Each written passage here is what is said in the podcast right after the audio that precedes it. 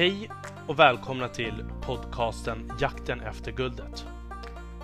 Denna podcast får ni följa mig, Armond Faltin, i min resa att hitta nya drivna vänner i jakten efter guldet. I denna jakt söker jag kunskap, nätverk och relationer. Jag kommer även dela med mig om mina egna tankar kring resan och ta upp aktuella ämnen som dyker upp på vägen. Häng med! Ingenting är omöjligt. Hej och välkomna allihopa till ännu ett avsnitt av Jakten efter guldet. Med mig idag har jag en väldigt speciell gäst. Alltså, ni vet när man kommer i kontakt med någon och bara... Alltså jag och den här gästen, vi skrev kanske två, tre rader och jag märkte på en gång att det här var en superskön kille som jag bara måste ha in i podden. Han driver två bolag idag, KSMG och The Watch Stand och har även tidigare drivit bolaget Gravel. Hej och välkommen Amar Singh. Tackar, tackar. Hur står det till med dig idag? Det är fantastiskt. Det är tisdag, tisdag eftermiddag. Skönt att sitta och småprata lite med dig. Eh, perfekt avslut på dagen. Ja, det är så att jag har ju lyssnat på dig lite grann i poddar och jag berättade ju det för dig också när jag skrev med dig på LinkedIn. Mm. Och jag tänkte, för att vi liksom ska djupdyka i vem är Amar, så tänkte jag att vi kan börja med Indien. Yes. Du har ju bott i Indien ensam ett tag. Ja, det var när jag var ja, väldigt, vad fan var jag, två år. Eh, så jag var ganska ung. Mina föräldrar skickade ner mig för att jag skulle lära mig språket. Eh, så de hade lä- fått veta att eh, man lär sig bäst när man, eh, innan man är fem. Eh, och här så var det ju väldigt mycket svenska. Så, att, eh, så, ja, så min mamma åkte ner med mig och sen fick jag vara där. Så jag har bott mycket med min moster och, fast, eh, alltså moster och fastrar och allt möjligt där nere. Så jag var där nere i åtta månader innan jag fick komma tillbaka. Och hur känner du att liksom den erfarenheten har berikat ditt liv, om det har gjort det? Ja, men det har gjort mig mycket lättare. Alltså, när jag kom hem, eller, eller än idag. Alltså, jag pratar ju helt flytande. Jag kan ju läsa också, men också skriva. Kanske inte lika duktig idag som jag var kanske för 15 år sedan eller 10 år sedan. Eh, men jag, när jag åker jag till Indien så kan jag ju prata exakt så som de gör. Så de tror ju oftast att jag är därifrån, men att de kan ändå inte sätta mig i något fack. För att eh, jag klär ju mig kanske inte direkt som dem och går eller så vidare. Men, så de känner ju att det är någon skillnad där men de kan inte sätta fingret på det. Så det är ganska de roligt. De ser på huden. ja, lite ljusare. Ja, jag tänkte mer fräsch. Money. Men, eh, så du kan läsa och skriva på sanskrit då, eller? Nej, inte sans sanskrit är det ursprung, alltså ska man säga, ifall man kollar i den forna tiden, så det pratar man ju väldigt mycket då och använder. Så idag så pratar man ju väldigt mycket hindi, man pratar punjabi, det finns urdu, så det är beroende på vilken delstat du är i så pratar man olika. Men jag pratar alla de tre. Mm. Nice. Alltså jag, jag har också en fascination för språk. Just nu så sitter jag på Duolingo och försöker lära mig koreanska. Hur går det då? Uh, inte så bra. Alltså, men det är väl bland en av de svåraste språken i världen. Jag tror det är så här, ryska, finska och mandarin. Och, ja, men typ det, alltså det, alltså asiatiska språk brukar vara jäkligt svåra. Ja, ja. Alltså det är väldigt svårt, men jag har liksom tittat på koreanska serier i typ 12-13 år. Så att eh, jag känner igen vissa ord, jag kan förstå ja. meningar. Och då är så här, men då är det bara att börja lära mig. Liksom. Helt rätt. Men det, ja, vi får se. Ja, ja.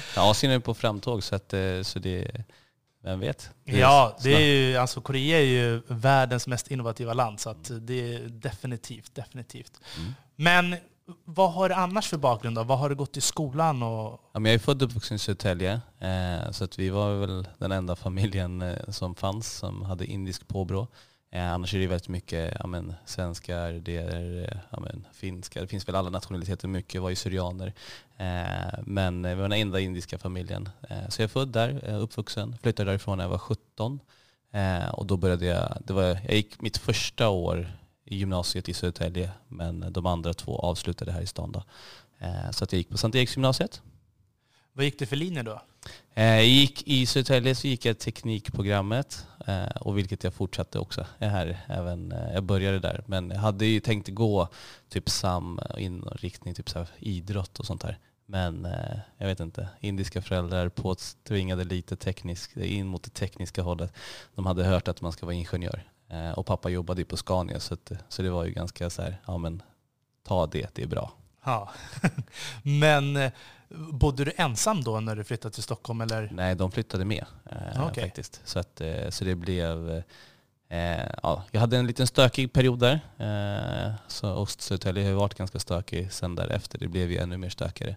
Så att de så insåg väl att, att okej, eh, är vi kvar så kommer det sluta dåligt. Eh, så då var det att okej, men vi, det, vi måste göra någon typ av förändring och då måste vi flytta. Eh, så att, vi flyttade faktiskt till Trångsund, eh, så det ligger utanför Farsta. Eh, och då var det att jag gick i stan istället. Då. Och hur var kontrasterna då eh, i skolan? Och, från tidigare tänker du? mm, Ja, men jag varit, från att in, vara en stökig elev kanske, eller kanske, jag var en stökig elev som inte tyckte att skolan var rolig, till att ja, men jag hade ju inga vänner här när jag gick i skolan. Då var det ju typ att ja, men jag måste fokusera, jag måste bli duktig. Och så jag såg det mer som en tävling. Så, att, eh, så sista året så ville jag plugga upp det mesta jag hade, alltså ämnena. Så jag gick i skolan från åtta på morgonen till nio på kvällen. Så jag gick ju både på Sankt Eriks och så gick jag här på Vasa Real. Så läste jag upp vissa ämnen som jag hade gjort, eh, presterat mig dåligt inom. åh jäklar, riktigt bra. Mm. Var det push hemifrån det också eller? Nej, men det var mer att jag ville bli något. Att det var så här, okej, shit, man, det är väl där man började drömma lite. Okej, men jag vill göra bra ifrån mig, jag vill ha ett bra jobb när jag kommer ut. Och eh, då var det så här, då sa en lärare så här, men du har världens potential. Eh, du, jag ser ju att du är street smart, men du måste lägga in en högre växel ifall du ska få bra betyg. För får du inte bra betyg så kommer du inte kunna plugga vidare eller göra någonting som du verkligen vill sen. Eh, så, att, så ta tag i dig själv i kragen lite. Eh, Och det var en ganska skön lärare som sa det och som fick mig att tänka till. Så jag tror ofta är det så här, får man höra det från sina föräldrar så blir det så här, "Ja, men vad vet ni? Eh, idag så vet man ju att okay, man, shit, man skulle ha börjat lyssna på dem eh, i sina yngre dagar mer. Men eh, då är man lite rebell och man ska gå emot dem på allt de säger. Men eh, den här läraren fick mig att tänka om lite. Och då vart det mycket plugg. Vad hade du för drömmar då? Alltså, vad visste du vad du skulle studera senare? Eller? Eh, egentligen inte, eh, men eftersom jag var, jag har alltid varit så här teknikintresserad, jag har alltid varit typ teknik, alltså så här, gillar ju att plocka isär någonting och sen sätta ihop. Så att det, det har ju alltid varit typ, ja men, gillar prylar. Så att det vart så här, vad kan jag göra, vad blir det? Och då var ju teknik. Eh, så jag hade ju tänkt så här, men ingenjör kommer passa mig bra.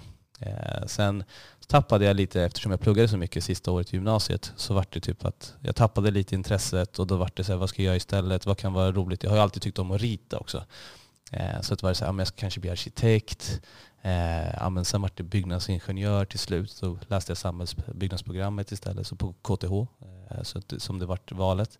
Eh, men däremellan har det varit lite drömmar att jag ville bli stridspilot. Eh, men jag var för lång för det.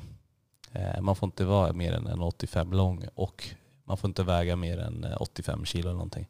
Annars får du inte plats. Eh, Så att den drömmen gick i stöpen då. Eh, Men gjorde du eh, militärtjänst? Så 15 månader. Och Men det fick inte bli stridspilot där då. Så det fick bli något annat istället. hur, hur var det då? Vad var det du gjorde för någonting? Ja, jag, tror, jag gjorde som kustjägare, eh, så 15 månader. Och det var väl det som var också min eh, typ, kanske lite räddning. Eh, alltså jag, jag tror det är så här, nu, är det ju, nu ska de ju återinföra lumpen igen. Det har ju varit, de tog ju bort det för några år sedan och sen har det varit utan. Men jag tycker att det var där typ jag blev, alltså man går från pojke till man någonstans. Man lär sig lyssna på andra, man lär sig ta order och det, det är inte lätt. Eh, Jag hatade det när jag gjorde lumpen. Det var flera gånger, alltså det var flera stycken som hoppade av eh, för att de inte pallade trycket. Men det de gör det är att de bryter isär dig för att sen bygga ihop dig. Eh, För att du ska kunna tåla. För blir det krig då är det inte som att någon kommer säga så här, ja men nu är det rast, nu äter vi lunch och sen fortsätter vi klockan två. Eh, Eller ett. Eh, Det är inte så. Du blir väckt mitt i natten, gå ut och spring milen, spring inte alla, hela gruppen solidar, alltså under en timme, då får du springa om igen. Eh, så att då, då gäller det ju verkligen klara det nästa gång.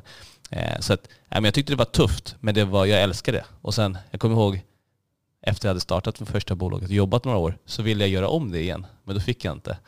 Eh, för att jag kände bara så här, det fan vad roligt det var. Man har vänner för livet och, eh, och man var ju ändå ung. Man var ju precis, vad är man, mellan 18 och 19 år där när man gör det. Så, att, eh, så nu när man tittar tillbaka så tycker jag att det var en, eh, man lärde sig, alltså en lärorik period.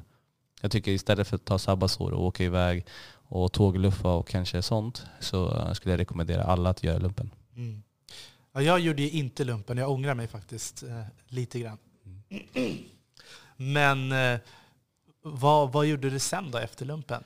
Ja, men, eh, ja, men jag pluggade, gjorde gymnasiet, typ två veckor efteråt så var det lumpen, sen i 15 månader. Kom ut från lumpen, var ledig en vecka, började på KTH. Eh, så att jag fick ju verkligen aldrig någon typ av vila eh, så, utan det var pang på hela tiden. Eh, så att jag började på KTH eh, och började plugga. Eh, och körde det i två års tid. Hur var studentlivet på universitetet då? Ja, det är mycket kårfester. Eh, men det är också mycket plugg. Det var roligt. Och där hittar man också vänner som man har alltså, för livet också. Eh, man är ju konstant med varandra. Eh, men jag hoppade av. Så jag gjorde ju aldrig klart min utbildning. Okej, okay. och vad hände där då? Jag hoppade av för att jag kände att det blev för mycket. Alltså att jag, eh, dels alltså, sista året på gymnasiet, att jag pluggade upp ämnen och jag, alltså gick från åtta på morgonen på nio på kvällen, eh, direkt in i lumpen och sen direkt in på KTH. Så kände jag så att nu är det dags för att bryta den här, det här mönstret. Att jag behöver vila lite, behöver göra något annat, ladda batterierna. Eh, och eh, sen såg man ju sina vänner. De reste, de gjorde roliga grejer och så vidare på eh, man skickade, på den tiden så var det MSN Messenger och allt sånt där. Eh, men eh, då var det typ bara så här, äh, jag behöver tjäna pengar. Så jag började jobba. Vad började du jobba med då? då? Jag började jobba på, det hette Statoil på min tid. Min också. ja, exakt. Eh, så jag började jobba där faktiskt. Eh, ute, i, eh, ute i Täby, eh, Kyrkby. Eh, och sen skulle vi faktiskt köpa en Statoil-mack. Eh, men vi fick inte det eftersom eh, Statoil var aldrig ägd av någon med invandrarbakgrund. Så att vi, vi gick igenom hela processen så vart vi nekade på slutet. Då. Och då hade vi redan tagit över macken och börjat köra. Så det var ute i Jakobsberg. Då. Men jag var kvar efter, efter vi inte fick så var jag kvar, körde var det, typ ett halvår till. Så jag drev då ett tag alltid haft så här lätt för människor. Så jag har varit alltid social och väldigt utåtgående. Så det vart att jag jobbade både på Täby, eh, Vällingby och Jakobsbergsmacken. Så jag drev typ tre mackar. Typ. Eh, av en ren slump så, så fick jag syn på en annons och kom in i mediebranschen. Eh, och det här var 2006. Så det är många år sedan. Vad var det för annons och vad var det för företag? Eh, det var ett företag som på den tiden hette Intens Media. Eh, och eh, det stod vill du tjäna 40 000? Så, att, så det var det som lockade. Och jag såg den på Arbetsförmedlingen. Eh, och då var jag också på jobbet. och det var för att anledningen, jag har aldrig varit inne och sökt ett jobb. utan det var typ att jag öppnade sex på morgonen och stängde ett. Sen ska man räkna kassor ena med andra så jag var aldrig hemma förrän ett. och man gick upp fem. Så jag sov fyra timmar per dag och jobbade resten. Så det var väldigt långa dagar. Eh, man hade inte så mycket tid för något annat. Jag åt typ korv med bröd varje dag, eh, flera gånger om dagen. Så jag har fortfarande avsmak för korv med bröd kan jag säga. Känner du att du har missat någonting? Nej. Under den där tiden? Nej. Alltså, jag tror det jag missat har jag tagit igen. Eh, alltså självklart, man missade, man sa nej till fester, resor, ena med andra. Men det var också min tid där jag ville tjäna ihop pengar. Så jag låg ju lite efter.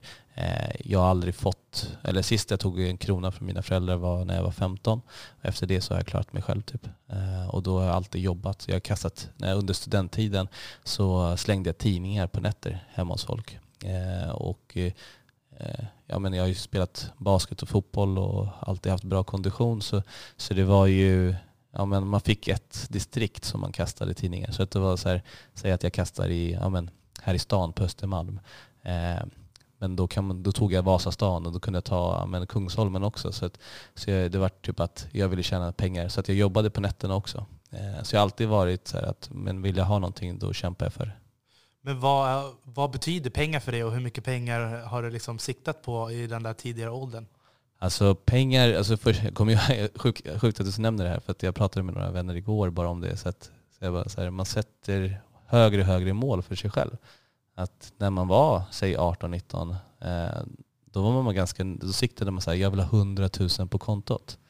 Eh, när man kom upp till, så här, när man startade bolag, då hade man någon vision, typ att så här, man ska ha en miljon på kontot, då är, man, då är det bra. Och idag så, så här, eh, ja, jag sa det, jag räknade ur mig att jag har ett mål att innan jag är 50 ska eh, ha försökt nå miljarden. Eh, men den resan är lång. Så att, eh, men man måste sikta högt. Så lång är den inte. Nej, kanske. Ja. Jag tänkte vi kan, vi kan ju hoppa in nu kanske direkt på dina bolag. Mm. Så kan du berätta lite om KSMG? Absolut. Jag började ju, eh, som jag berättade, 2006 inom mediebranschen eh, och hjälpte bolag att synas och höras digitalt. Eh, kom i tidig kontakt med sociala medier 2008 tack vare det här bolaget. Då. Men de var, det bolaget ville inte riktigt satsa på just Facebook för det var för tidigt och det var för ungt. Och det var, ja, men det var 300 000 användare 2008. Eh, så det var väldigt få bolag som ville investera pengar för att synas på Facebook. Eh, men 2010 så hände det någonting. Det var att det var tre miljoner människor där. Eh, och då var det helt plötsligt en 30 procent av Sveriges befolkning som fanns på Facebook.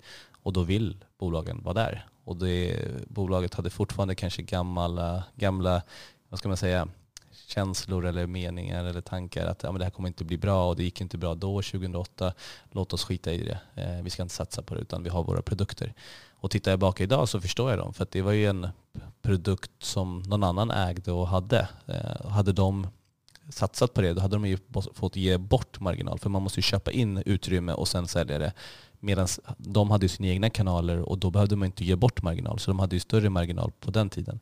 Men idag så är deras kanaler inte lika stora som sociala medier är. Utan det har ju tagit över. Kolla Instagram, Snapchat, TikTok, eh, ena med det andra. Så att de kanalerna är ju gigantiska och inte bara lokala utan globala.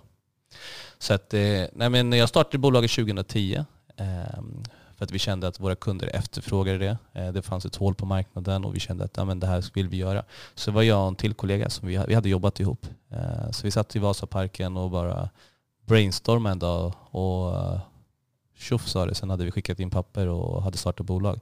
Så det jobbigaste man har gjort är ju att säga upp sig det var för känsligt för man hade jobbat där ganska länge. Man var ju vän och nära med alla de som jobbade där också. Så det var ju som att säga hej då till sin familj eller sina vänner.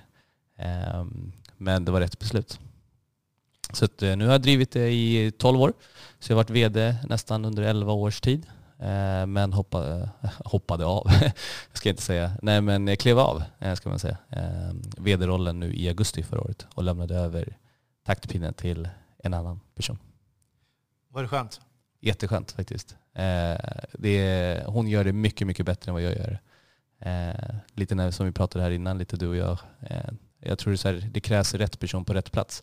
Och jag har tagit bolaget från A till B. Eh, nu för att ta det från B till C så krävs det annan typ av kompetens. Någon som kan både blicka framåt men här och sidorna och alla möjliga delar och även alltså, se varje individ på bolaget. Eh, som jag sa också till dig att ja, men jag är ju lite, alltså, eller som jag tror som alla entreprenörer, är att man, när man startar bolag så har man en dröm, en vision åt något håll. Det här vill jag skapa. Eh, och man är ganska kreativ och man vill testa massa olika idéer och sånt där.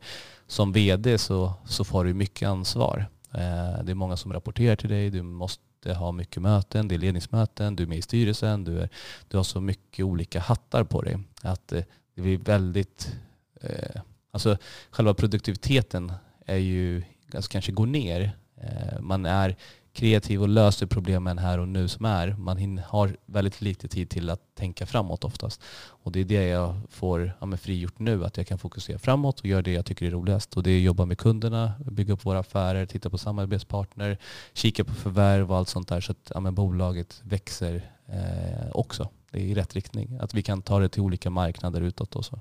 Mm. Men jag hörde också att eh, du hade en, eller ni splittade du och din kollega. Mm, 2018. Hur var den resan och kan du berätta lite om det? Eh, den var jävligt jobbig. Eh, ursäkta min franska. Nej men den var jobbig eh, för att han och jag lärde känna varandra 2007 och vi var bästa vänner. Eh, jag är gudfar till hans dotter.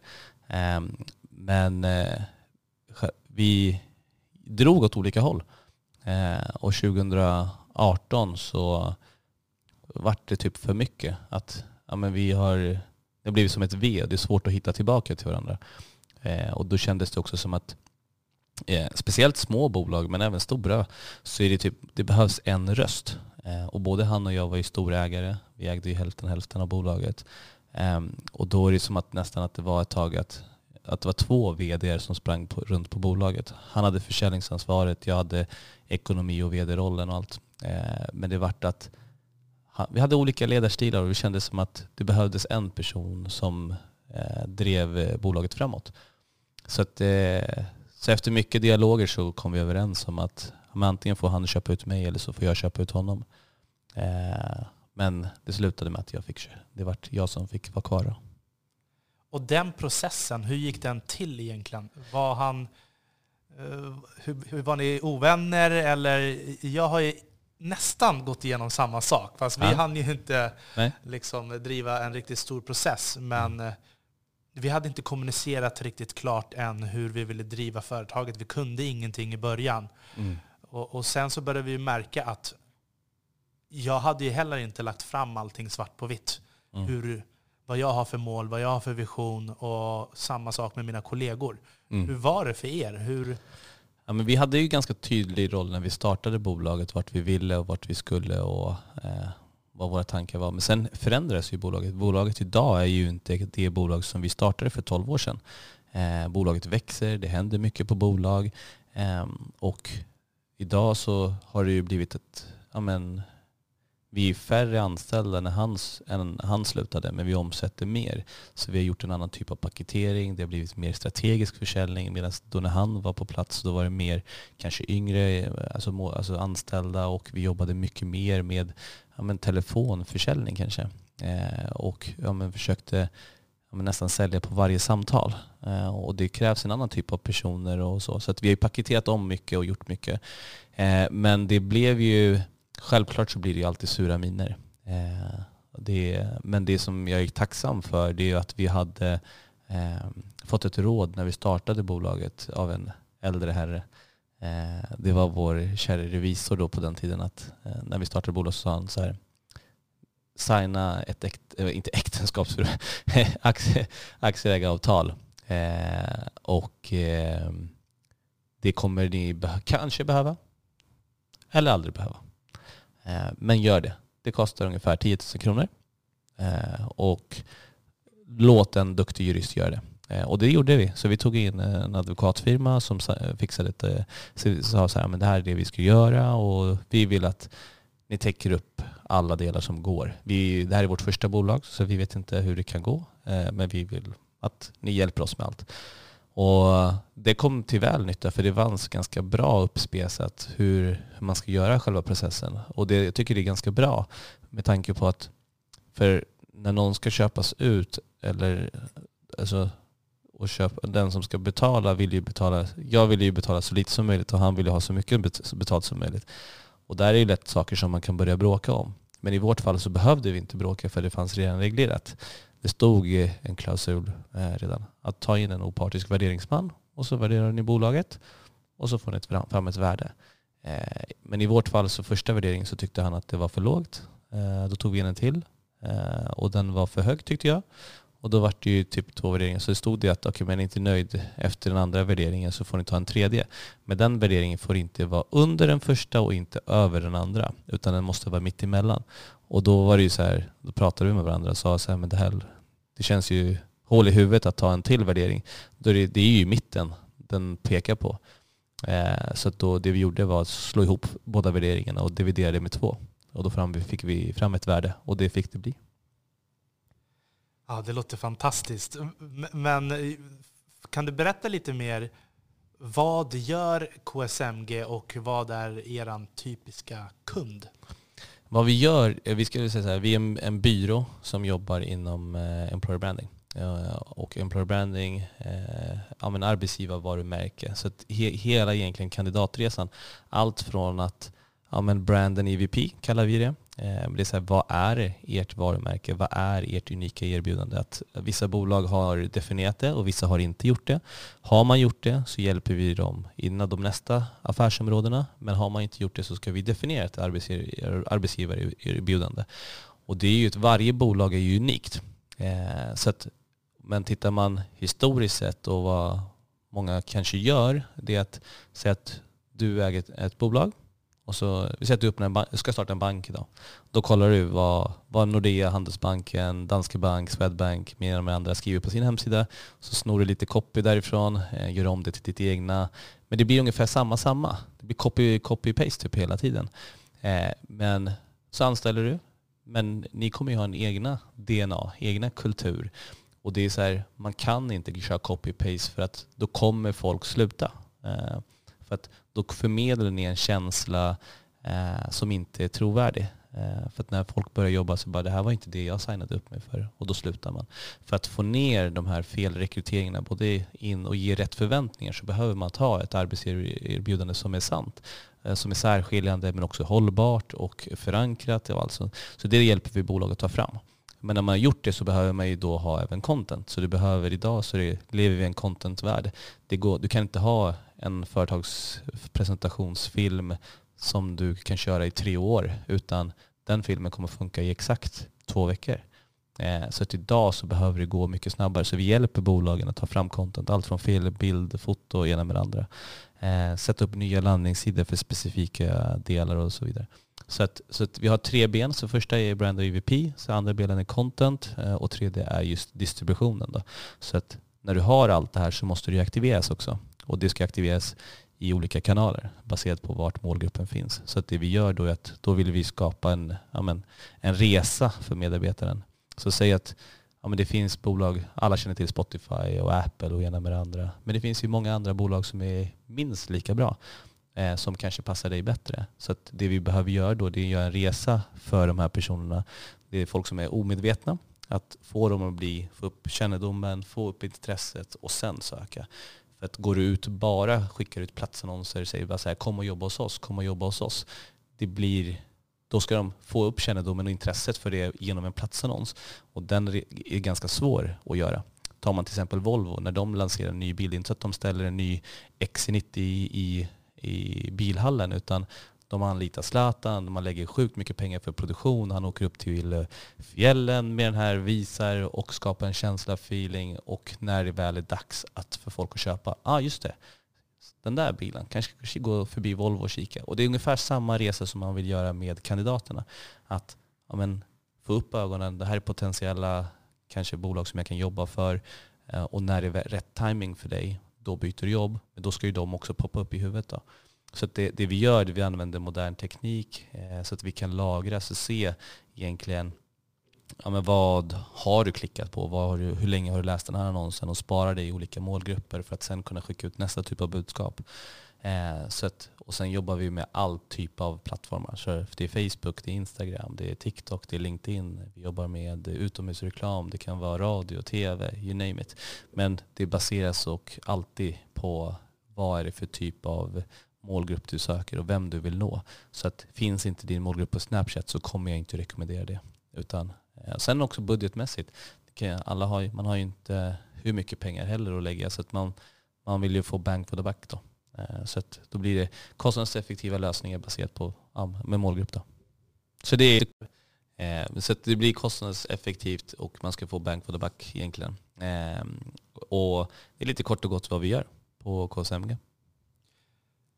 Hur ser den typiska kunden ut? Hur många anställda måste de ha? Vi hjälper bolag som är 50 pers, 20 pers också. Men vi hjälper också organisationer som är 30 000 anställda, 100 000 anställda. Så ingen kund är för liten, ingen kund är för stor. Eh, och samma metodik kan vi applicera på egentligen allt och alla.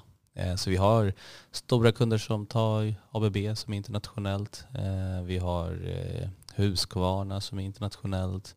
Eh, men sen har vi lokala kommuner, landsting, alltså regioner som vi jobbar med också. Så, att, eh, så det är både privat och offentliga men också stort och, stort och smått. Finns det någon affär som man kan tycka har varit onödig? Nej. onödig, onödig. Alltså det är så här, alla affärer öppnar ju dörrar till nästa. Alltså gör man, har alltid haft filosofin, speciellt vår bransch är ju väldigt liten. Alltså alla rekrytering, tar så här, rekryteringsbranschen så är det så här, alla HR-personer, personalchef känner någon annan personalchef för de har oftast gått i skola och så vidare. Eller pluggat ihop eller jobbat tidigare så de byter. Så, eh, och ja, men employer branding-personer likadant och talent acquisition-personer likadant. Eh, och då är det ju så här, byter de plats. Så det kan ju vara att den har köpt någonting litet här men byter arbetsgivare och så blir det en stor kund. För här hade de en helt annan typ av budget. Så jag skulle inte säga att någon kund är dålig eller vart onödig. Absolut inte. Mm. Utan bara bra. Men sen så drev du ju också, eller du var delägare i Gravel. Mm, eller vi, vi, grundade det, jag och min delägare som, som jag startade KSMG med.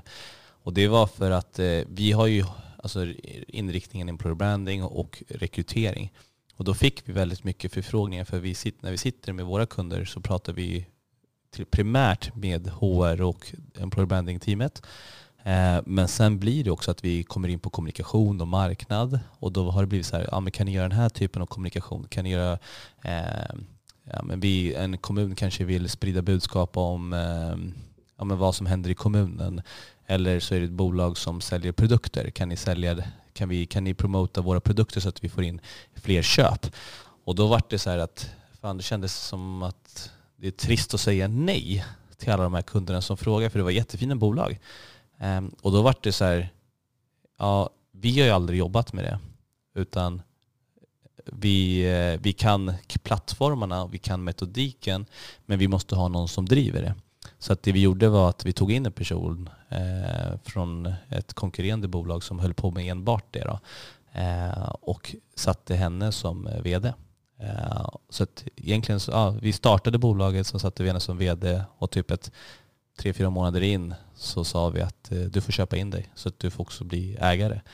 För vi tror att det är bättre att äga någonting kanske lite mindre av ett bolag men som kan bli större.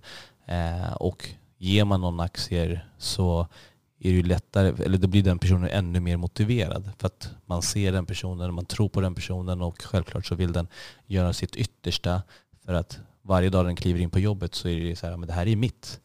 Eh, så att, eh, så när vi, startade, eh, jag kommer inte ihåg vilket årgång det var nu, 2016 kanske. Eh, men sålde det 2019. Men var det Julia då som blev vd? Mm. Så Julia anställde jag från, eh, hon jobbade på Engage tidigare.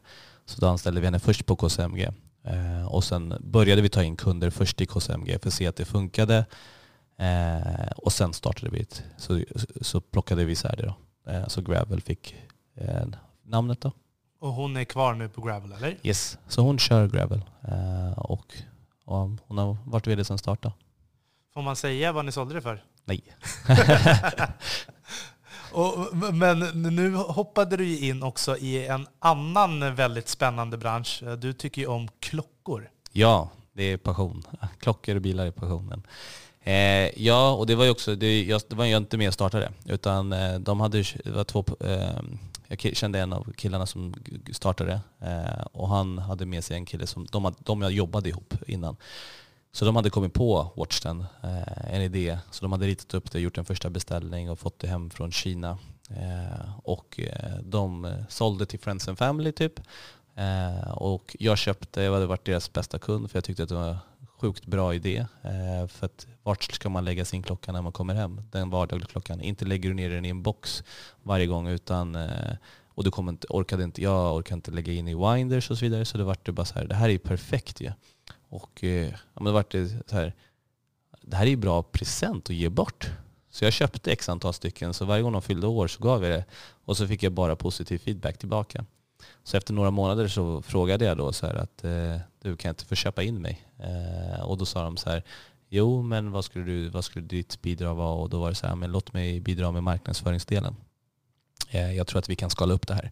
För hur har ni tänkt att sälja det här? Och då hade de ju tänkt typ så här, men vi ska lägga ut länkar i lite forum och vi ska sälja det på Blocket och ena med andra. Men då hade de ju bara tänkt Sverige. Eh, och eh, efter lite dialoger så sa vi så här, men låt oss bygga ett case, låt mig köra det här. Och det är ju vilket vi gjorde. Och helt plötsligt så ja, de omsatte väl typ 200 000 första året. Och andra året så gjorde vi 5 miljoner, över 5 miljoner och sen vart det 15 miljoner. Eh, så, att, så det blev rejäla hopp då. Eh, så att, och det har ju varit på grund av annonsering i digitala och sociala medier. Så vi kunde skala upp businessen eh, ganska fort. Ja, du har ju också blivit kallad för algoritmkungen. Har jag. hur ser det ut när man liksom skalar upp och bygger ett företag sådär på nätet? Alltså hur mycket pengar behöver du investera och liksom hur har ni fokuserat er? Det beror på målgruppen, alltså exakt hur stor målgrupp du har.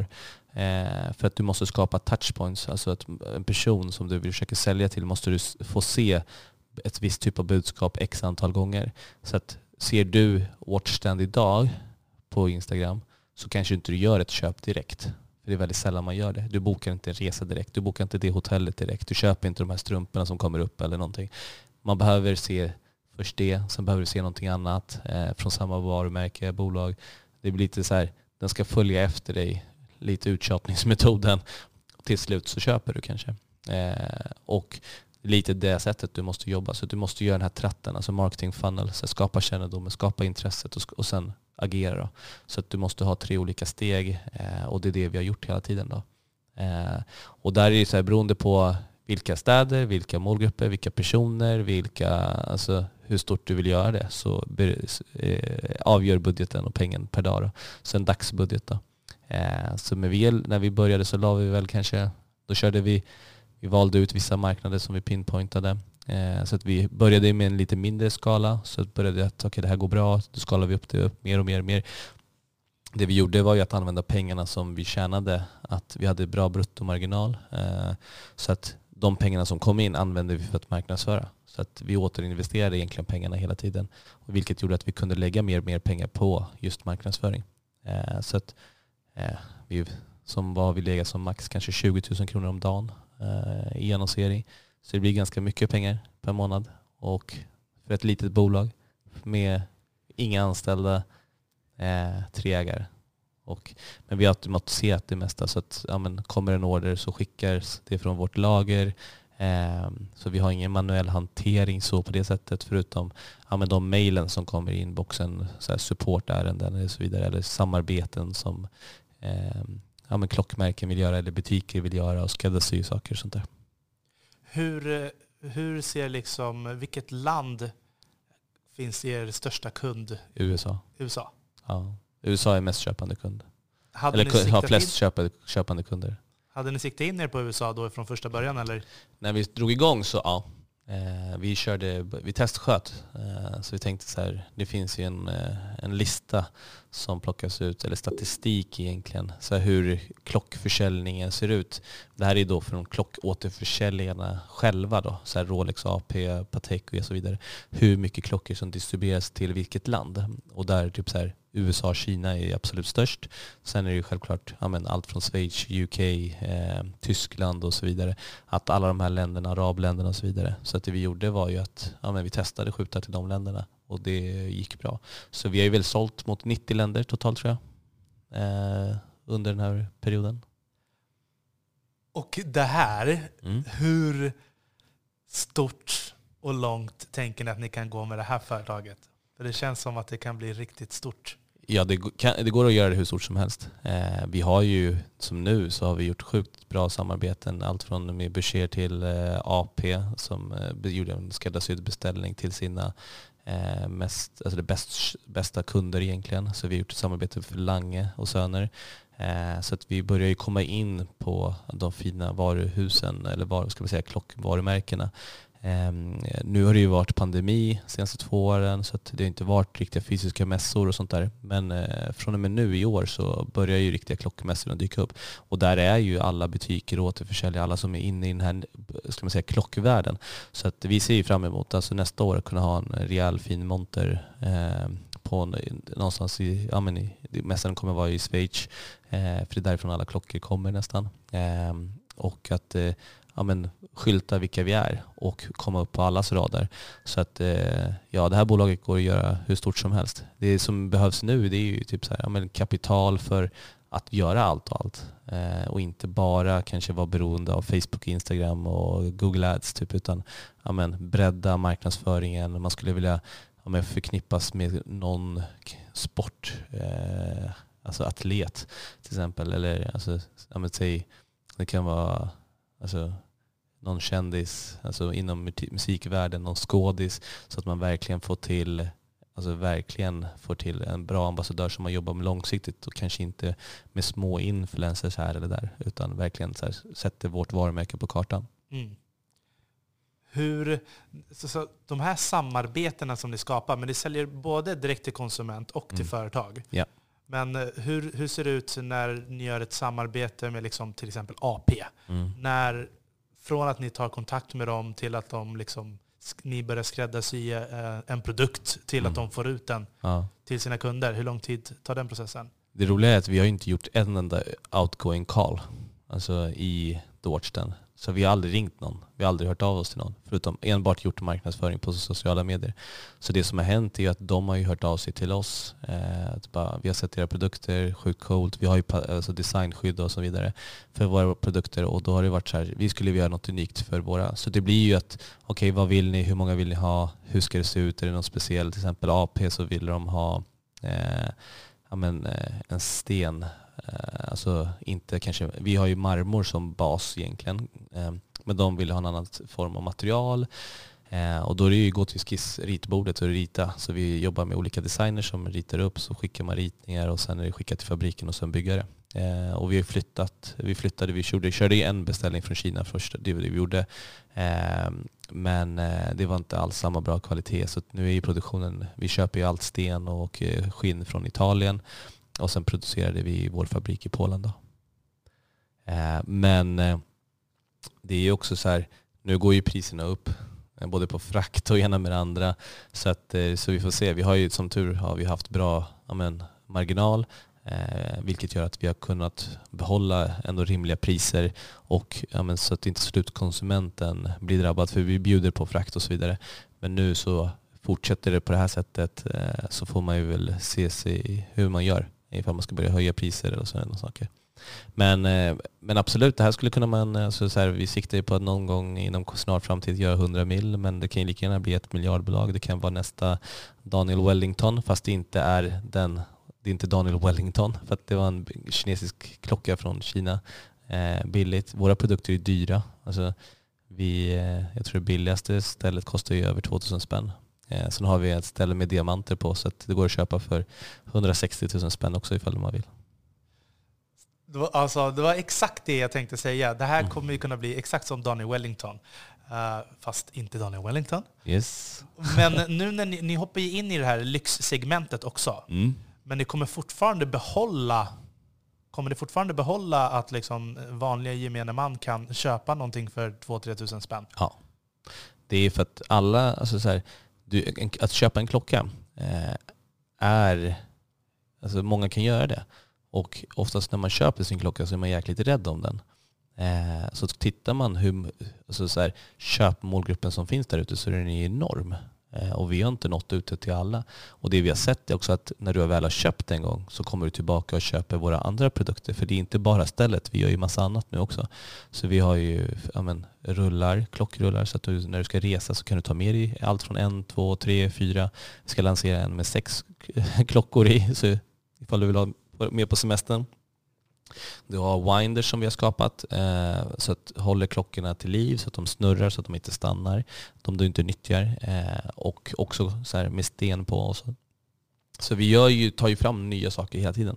Så att, eh, du får gå in och kika på hemsidan sen. Mm. När kommer ni, hur många kommer ni behöva anställa då, om ni ska liksom omsätta vi kommer ju behöva, nu har vi ju majoriteten av allt så har vi outsourcat så att någon som sköter våra Google Ads, någon som sköter vår SEO, någon som sköter vår eh, paid ads och så vidare och så vidare. Eh, vi kommer ju, alltså någon som sköter vår marketing automation. Så att allt är ju outsourcat idag för att inte ta på sig eh, allt för mycket. Eh, men det man skulle behöva göra är ju bygga ett team. Eh, så att vi kommer inom kort eventuellt gå ut på en eh, liten runda och försöka ta in kapital och så vidare. Så att, för att ta det här till nästa steg. Men då kommer det ju vara att ja, men bygga dels brand men också generera mer sales. Så att det kommer vara uppdelat i två delar och sen bygga team runt omkring dem. Då. Det, det, här, jag tycker det är så himla spännande. Jag har verkligen, när jag har kikat på det där, jag kollade ju på hemsidan mm. och eh, jag försökte hitta på sociala medier mm. faktiskt. Mm. Men jag kunde inte avgöra vilken som var vilken. Nej, det har ju dykt upp en hel del konkurrenter. Eh, och eh, det är som vi försöker släcka ner. Så det är mycket tid går ju till att skicka juridiska brev, följa upp dem, eh, ta bort dem. Eh, många tror att det är, alltså beställer ju från Kina. Så den fabrik som vi nyttjade första gången eh, lägger ju upp på Alibaba så här, ja, men köp av oss eh, ifall du beställer tusen stycken och med andra. Och många gör det. Eh, det var ju några alltså, konkurrenter som dykt upp i både eh, men Amsterdam, eh, här i Sverige och ena med andra. Men de får gärna skapa, alltså vi har ju ett mönsterskydd i att det inte får inte efterlikna vår produkt. Sen är det ju så här, du kan ju, det är vissa som har kommit med två pinnar och någon har kommit med tre pinnar och så vidare. Så här, det är fine. Eh, konkurrens är bra för då värmer vi upp en målgrupp tillsammans. Sen kommer det ju vara smaksak. Det är, det är inte så att det inte finns en bilsort ute på gatorna utan det finns ju hundra olika bilmärken. Men alla tjänar pengar. Så att, eh, så att smaken är som baken. Precis. Alltså jag tycker att det här har du gjort superbra. Men dina kollegor som du har nu då, mm. Eh, hur, vad, vad, vad, tycker de nu om den här resan och vad har de för drömmar och mål? Ja, men vi, även det, alla har ju samma drömmar och mål. Eh, vi vill ju skapa jäkligt stort och vi vill göra det, eh, skala upp det ännu mer och ja, men verkligen sätta det på vi satt och snackade för några veckor sedan bara att ja, men det här kanske man ska köra ut på börsen. Eh, för jag tror många där ute kommer vilja vara med på den resan. Eh, så, att, så vi får se eh, hur vi gör och när vi gör det.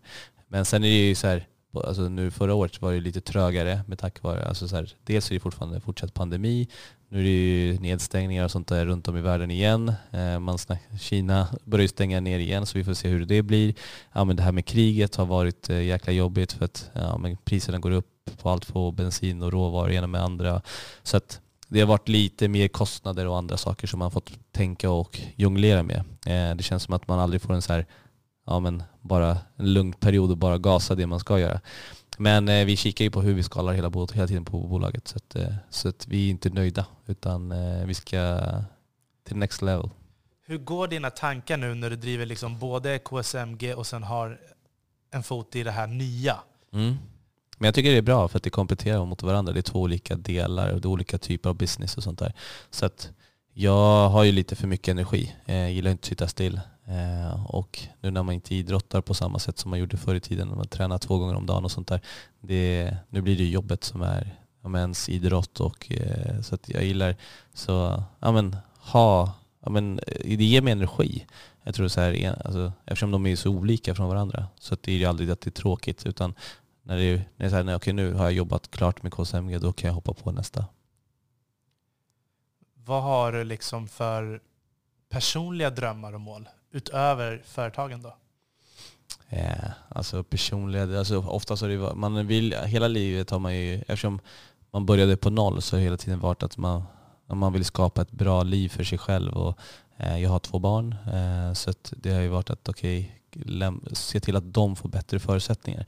Um, men man, vad jag brinner för idag, det är kanske inte pengar direkt. Alltså jag ser allt som en tävling. Man vill åstadkomma någonting, man skapar någonting, man vill göra någonting större. Lämna någon legacy bakom sig. Att eh, ja, men det här har man lyckats åstadkomma. Så att, eh, ska vi säga, inga materialistiska kanske mål, eh, men mer lite luddiga, fluffiga mål. Och hur kan de se ut då? Vad, vad vill familjen med en Amar som jobbar som en dåre? de vill ju ha mest tid eh, från en. Så att egentligen så bryr sig inte de så mycket om att jag jobbar så mycket och vad de får utav det. Eh, så att skulle de få välja så skulle de säga mer tid med pappa. Eh, så att det försöker man också ge. Eh, men eh, ja, min son brukar vilja ha mycket leksaker men då brukar jag förklara för honom att eh, pappa måste gå och jobba då. Så då brukar han säga så här, pappa åk och jobba. hur, hur, hur gamla är dina barn? Eh, min son är fyra och ett halvt eh, och min dotter är snart ett. Fantastiskt. Vill du ha mm. mera barn? Jag ville. Men det, det tar tid, det är tidskrävande. Så att, eh, inte här och nu, men kanske om något år eller två. Så vi får se. Just nu är jag nöjd. Så säger alla så fort de har fått två ungar. Ja men det första var, jag tyckte jag var lätt för att då är det så här, ja men det är enkelt, de, man, tycker, alltså, man hinner. Nu blir det så här, ska man natta ena så skriker den andra och så väcker den den och det blir, det blir ett jonglerande. Eh, men, det, men det är roligt också. Man får ju så mycket energi när man ser dem. Eh, de, det spelar ingen roll hur tuff och jobbig dag man kanske har haft, så fort man ser dem så har man glömt alltihopa. Men jag tänker så här, drömmar och eh, mål. Skulle du vilja bo utomlands? Uh, kanske ge dina barn eh, någon utlandserfarenhet och, och sådär? Jo men absolut. Det, alltså jag tror som alla andra svenskar så börjar man nog tänka på det speciellt under pandemin. Eh, att det gick ju från att istället från att gå till jobbet varje dag kunde du jobba hemifrån. Eh, det vart väldigt mycket flexibelt helt plötsligt och du kunde egentligen sitta så länge du hade uppkoppling kan du sitta, det spelar ingen roll ifall du kan sitta, satt i Hawaii eller i Dubai eller eh, i Marbella. Du, eh, så länge det ja, men tids, tidszonsmässigt passar så, och du, ja, så kunde du göra det. Eh, och idag så tittar jag så här på majoriteten av våra möten sker ju mycket digitalt. Så att absolut så har jag funderat på det. Eh, för det hade ju varit skönt att eh, ja, vara på varmare ställen, få lite mer sol och absolut så. Men sen är det också så här, jag har lite eh, har ju äldre föräldrar. Det blir så här, okej, okay, de vill inte lämna Sverige, de vill vara kvar, de tycker det här är bra. Och då vill jag inte vara för långt ifrån. Så det är väl det som har hindrat mig. Men annars så var jag så pass nära att eh, ja, jag började kika ja, men hus och, eh, i Marbella och Dubai och ena med andra. Eh, för att jag kände att eh, hellre sol än ja, men mörker. Och man känner så här nu, nu när man börjar bli lite äldre att ja, men solen och energin gör mycket för en. Eh, och speciellt började jag tänka på det när jag satt på, själv på kontoret. Eh, vi har kontor 700 kvadrat inne i Sturegallerian här i Stockholm. Eh, och när pandemin slog in så skickade vi hem alla i mars eh, 2020. Ehm, och jag tror jag sagt 6-7 månader helt själv. och då börjar man ju tänka så här, shit, sitter och betalar 250 000 i månaden för att sitta i de här lokalerna. Är det värt? Och ungefär samtidigt då så skulle vårt typ kontrakt gå ut och så vidare. Så var ju så många gånger så nära att så bara, ja, men säga nej, ta bort det där kontraktet, eh, skit i det. För tittar man så på bolag så är den största kostnaden är ju löner och hyror. Eh, och då var det så här, okej okay, kan jag få bort hyran så är det, går ju bolaget bättre. Ehm, eh, men då pratade vi väldigt mycket om det i styrelsen. Så det vart att eh, nej men behåll kontoret, man vet inte hur det kommer gå. Vi tog det dag för dag, vi hade bra kontrakt och just det läget var Eh, är oslagbart. Eh, och idag så är, man, är jag nöjd. Jag är glad att jag inte sa upp det. Eh, men absolut så kikar man på utlandsresor och drömmar. Det är ju, alltså Sverige, jag gillar ju Sverige för att, alltså vårt system, alltihopa. Jag tycker det är så jäkla bra här ändå. Med så här, du får gratis utbildning, du har bra vård, allt sånt. Flyttar du till, ja men, jo du får sol i de andra länderna men du måste betala för utbildningen och då kostar det ju allt från ja men, x antal hundratusen i månaden till per år och så vidare. Eh, jag tror det är så här, ska man gå i en viss skola i Marbella så ja men, kostar det en halv miljon per termin eller så tror jag. Så att när vi började kika på de sakerna så jag bara, ah, fan Sverige kanske är bra ändå. men eh, man vill ju absolut ge sina barn det bästa. Eh, men jag vill ge dem, de ska ju få välja vad de vill själva, men man ska ju ändå ge dem grundförutsättningarna. Men jag tror, Sverige är ett sjukt bra land för, alltså, för att få, alltså, alla grundförutsättningar är skitbra här. Så att, jag tycker det är dumt att plugga utomlands. Sen kan man resa och bo utomlands, absolut. Mm. Hamnade ni i några tuffa situationer där under corona? Ja, det, vi lyckades ju rädda det ganska bra, och, men vi permitterade. Eh, först ner till 60 procent, alltså man jobbade bara 40 procent, man var eh, permitterad 60 procent. Eh, men vi märkte att vi hade en annan position på marknaden och eh, vi kunde växla upp igen. Så efter sommaren så gick vi upp först till, eh, ja vara permitterade bara 40 procent då istället, istället för att vara permitterad 60 procent. Så vi började jobba 60 procent och sen i typ i oktober, ja men typ halvår efter pandemin, då tog vi bort det typ helt. Så började vi gasa och det märkte vi jämfört med konkurrenterna att vi drog ifrån då. Att ja, vi jobbar fem dagar i veckan, åtta timmar. Eh, dock så började alla jobba hemifrån. Eh, och det gör fortfarande majoriteten av eh, anställda. Att man kommer in någon dag i veckan eller två. Eh, men man tycker att det är skönare att jobba hemma. Eh, man är produktiv, man är enkel, det är ingen som stör en och så vidare. Det enda som jag tycker är trist är att här, ja, kulturen blir lidande lite. Så att då är det viktigt att göra olika aktiviteter och ja, men, få ihop alla. Ehm, och nu så klassas ju coronan som en förkylning. Eh, och majoriteten har vaccinerat sig och så vidare. Så, att, så nu kom vi precis hem, eh, faktiskt i söndags från New York. Så vi flög hela bolaget dit. Eh, ja, körde konferens, ja, middagar och så lite utgångar. Så att alla har fått ny energi för 2022. Hur kommer det vara nu då när Kommer det bli full kareta på kontoret? Men du sa 700 kvadrat och ni var 26 personer, eller? Japp. Vi ska växa lite. Ja. Nej men det är, alltså, vi har stor yta, eh, men det är också så här, den ytan behövs. Alltså, vi har ett, gjort ett precis nyligen så gör vi om ett rum till ett webbinarierum så att för våra kunder så att ja, blir thought leaders, alltså sprida budskap eh, gratis egentligen så att man kan lyssna in. Och det, vi kommer nog köra, tidigare har vi kört så här, ja, med ett webbinar i kvartalet och så vidare och då har, man kunnat hyra olika anläggningar. Nu kommer vi köra det ganska frekvent och då behöver man ha den setupen. Man orkar inte sätta upp och riva ner varannan vecka. Utan typ så. Så då kör man. Och sen blir det så här, de när man är på kontoret så vill många ha mötesrum och så vidare för att kunna köra sina Teams eller Zoom-hangout-möten. Eh, eh, så det blir ju, ja men yta behövs. Eh, men sen hyr vi ut en liten del också, självklart. Så vi behöver inte alla 700 ännu. Mm. Jag tänkte det, så ni inte bara spottar ut pengar där. Men jag såg också, när jag mötte dig här ute på gatan innan vi kom mm. in, att du har ju en riktigt fin bil. Tack, tack. Du är bilentusiast. Ja, men eh, min pappa älskade bilar, så när vi var små, vi är ju eh, fem syskon, så att vi körde alltid gissningsleken. Så att eh, vilka bilar det var. Så inte bara gul bil och röd bil utan vilket märke det var, vilken modell och ena med det andra. Så, att, så jag och alla mina syskon är faktiskt superbilintresserade. Men jag tror jag är lite extra. Eh, men också så här, i Indien åker du dit så ser du en person med en fin bil, då vet man att det går bra. Eh, och det har någonstans så fastnat i huvudet, typ att men det är lite status, det är lite coolt och så. Så, att, så jag har alltid gillat bilar. Eh, så att när jag var jag brukar oftast få så här, vad var din dröm när du var liten? Vilken bil ville du ha?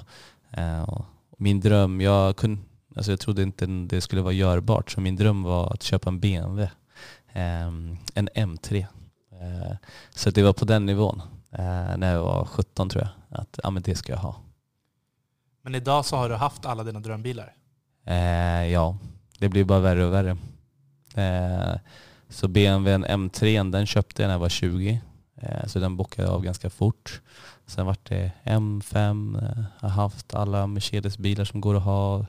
Jag har haft Ferrari, haft Lamborghini, allt från Aventador till Urus när den kom precis ut. Eh, ja, egentligen allt från vad ska man säga, en halv miljonsklassen till upp till fem miljonsklassen har jag haft, absolut. Så nu, nu sa min pappa så här, ja, vad ska du göra nu då? Så det, så sa jag så här, men nu är det dags att gå upp i luften då. Det är helikopter eller någonting annat. Så jag satt faktiskt och försöker ta flygcert. Så, att, eh, så det ska bli intressant. Och det får du för din eh, fru då eller? Eh, nej. nej, det får jag inte. Hon tycker att, eh, man har ju hört helikopterkrascher och sånt där innan med andra. Så det är ju inte det säkraste kanske. Eh, men det är ganska coolt. Ja, min farfar hade helikopter faktiskt. Ja. Men eh, jag själv idag skulle aldrig sätta mig i en helikopter. Jag har gjort det faktiskt många gånger. Jag tycker det är bra, coolt, det är roligt. Eh, men det är ju ganska, alltså det är inte mycket skydd på den där.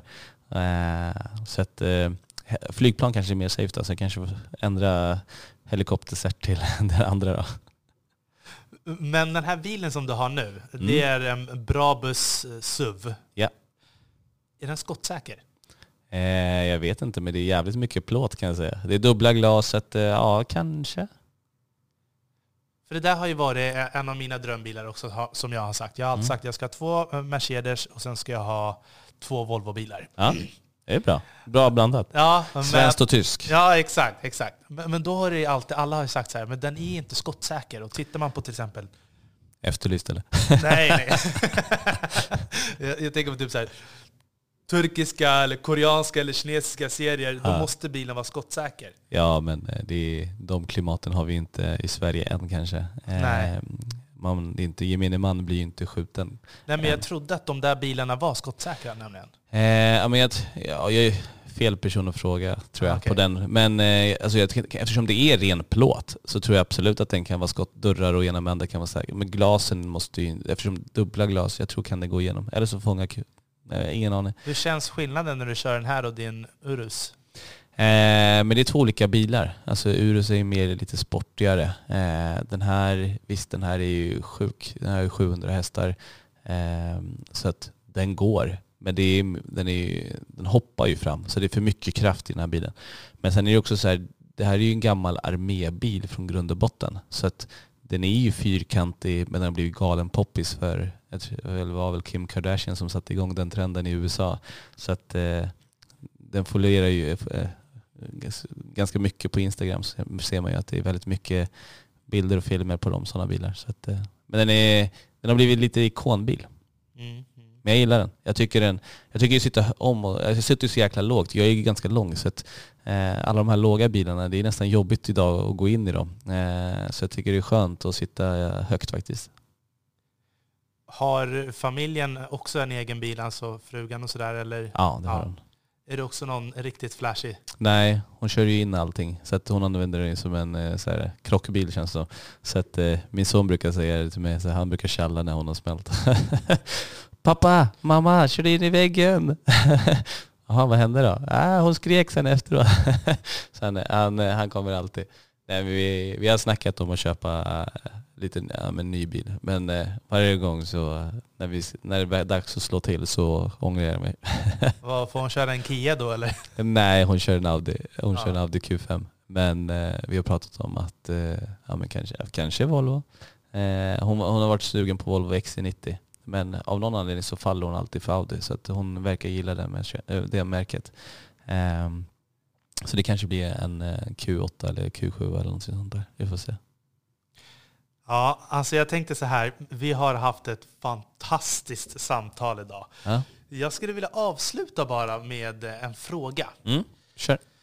Vad skulle du ge för tips till mig? Du som jobbar med employer branding och Mm. har sett min profil. Vad, vad är din analys av vad du har sett? På LinkedIn tänker du eller? Eller vad tänker du på? Vad, hur, vad, har du, vad har du gjort för research innan? Liksom? Vad gör du? Har du gjort någonting överhuvudtaget? Eh, På dig? Jag Ja. kollade bara LinkedIn faktiskt. Bara inte, Mm. inte Instagram? Nej. Mm. ja, men då, då kanske inte lika... Då, då, för LinkedIn har jag faktiskt inte gjort någonting på. Nej. Där har jag inte ens tagit ut hälften av vad jag har gjort. Nej. Nej men alltså, nu var det ju så här, ja men vi har gemensamma vänner, eh, så att då går du igenom lite säkerhetsboxar eh, innan, alltså att per automatik eftersom ja, men de känner dig och så vidare. Så att då blir det ganska enkelt att ja, ge alla, jag, jag ger alltid alla en chans. Men alltså, skulle det vara någon som sökte jobb hos oss, då kollar jag alltid. Alltså då googlar man ju. Det är det första man gör. Vem är personen? Vart har han jobbat? Var har han inte jobbat? Hur länge har han varit på olika platser och så vidare. Ehm, hur, eh, hur är personen i sina sociala kanaler? För att skapa en, en bild. Men sen skulle jag alltid ändå träffa den personen för att få en egen uppfattning. Eh, för jag tycker ibland så finns det mycket saker som inte ens står kanske på CVt eller som på Instagram. För att det är inte den verkliga bilden alltid. Utan man kanske bara visar en viss typ av bild. Eh, så att, så jag, jag, jag gillar att träffa på folk. Jag är ganska sjukt social. Så jag gillar ju att sitta med människor. Så jag har inga problem att ta en kaffe med någon. Eh, och bara, okej, tell me, Mm. who are you? Det. Men eh, ge tips, alltså var dig själv. Alltså, så här, var stolt över den du är och så här, gillar inte någon dig, så här, ja men too bad. Alltså, man ska aldrig förändra sig själv för någon annan. Det är väl det som man har lärt sig. Att Speciellt nu, det är ju så här kandidaternas marknad. Var dig själv, speciellt nu. Tidigare så hade man kanske behövt förfina eller ja, men jag kan inte vara si eller jag kan inte säga så och sånt där.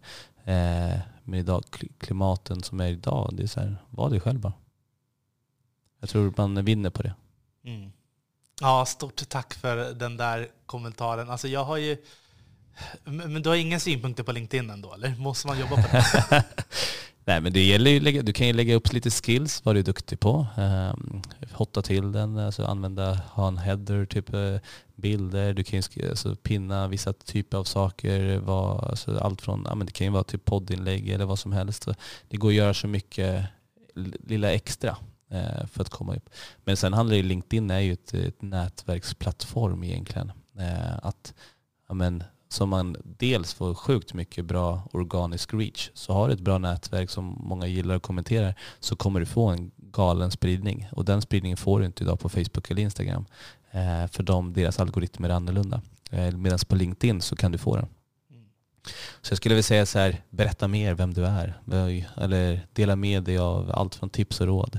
Det folk gillar idag det är att få värde av något sätt. Alltså gratis budskap som de ger dem någon typ av nytta. Eh, kan man göra det så har man ett vinnande koncept.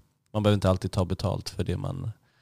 Det, det finns ju väldigt mycket så här kurser, går här, gör det här, betala oss si eller så. Utan jag tycker som världens bästa tekniska, eller som klassas som en av världens bästa tekniska högskolor är MIT Boston. Eh, de lägger alla sina kurser gratis på, de spelar in dem och sen lägger de upp det på sin hemsida. Så att du kan ta del av all kunskap som eh, de ger till sina studenter kan du få själv. Nice, den skrev jag ner på en gång. Ja, du kommer inte få ett diplom, men du kommer ha kunskapen. ja, men kunskapen. Ja, men exakt. Jag gillar ju att plugga på egen hand och sådär. Jag har pluggat Ja. en del, alltså allt ifrån eh, retorik till ekonomi och Mm. varumärken, allt sånt. Eh, Ja. Men Elon Musk säger ju också så här, ja, men när man går till skolan så lär man ju sig egentligen inte det verkliga livet. Man lär sig grunderna och sånt där som kan hända. Men sen det du lär i skolan, alltså, jag vet inte när jag använde alltså, matematik E, e när jag ritade upp grafer eller ena med det andra. Men däremot, det är grunden till någonting. Fysik och kemi, hur mycket använder jag det i mitt arbete? Ingenting. Så att egentligen man borde man lära sig ja, hur funkar räntorna, hur funkar finansvärlden, hur funkar företag, hur startar man bolag, vad händer? Alltså det finns så mycket och det här är ganska hett debatterat på ja, men social media. Så att, eh, det är många som säger, av de här stora entreprenörerna, Det är många som har hoppat av och eh, man har inte gått Harvard och ena med det andra.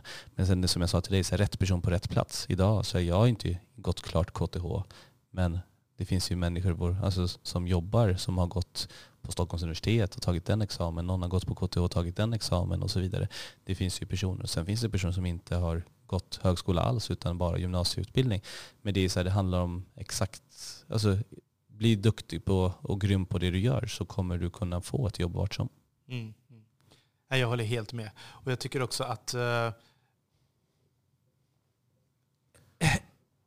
arbet, alltså, vad ska man säga, gamla anställningar och uh, utbildning inte ger så himla alltså, Visst, en utbildning kan ju liksom visa, det är en hygienfråga, det kan visa att du liksom har klarat av att se, beta av tiden och att du har en struktur för eh, vissa saker. Uh, men eh, ah, jag vet inte vad, jag, vad det var jag ville säga med det hela. Men eh, det är därför jag ser lite ner på LinkedIn. Jag, jag, jag brukar...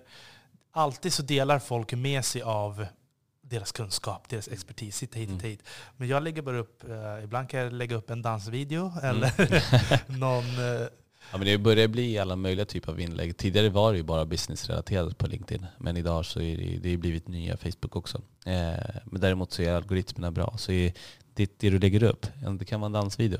Så länge din målgrupp triggas eller tycker det är bra så kommer de gilla det och dela det. Och likea eller kommentera. Så att du ska göra det som du... Du ska tänka på målgruppen. Vad vill min målgrupp ha? Och sen försöka leverera det. Så är din målgrupp 20 till 30 så behöver det vara budskap som är relevant för dem. Är det till 30 till 50 så måste det vara relevant för dem och så vidare. Så att det är olika typer av budskap och som, för olika målgrupper.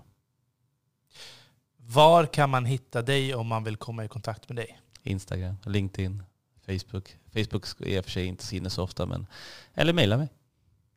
Du är öppen för kontakt ja. för alla? Yes. Stort tack Amar Singh för att du kom och gästade Jakten efter guldet. Nej, sista frågan nu ja. innan. Ja. Vad är ditt guld? Eh, oh. Svår fråga. Vad är mitt guld? Um.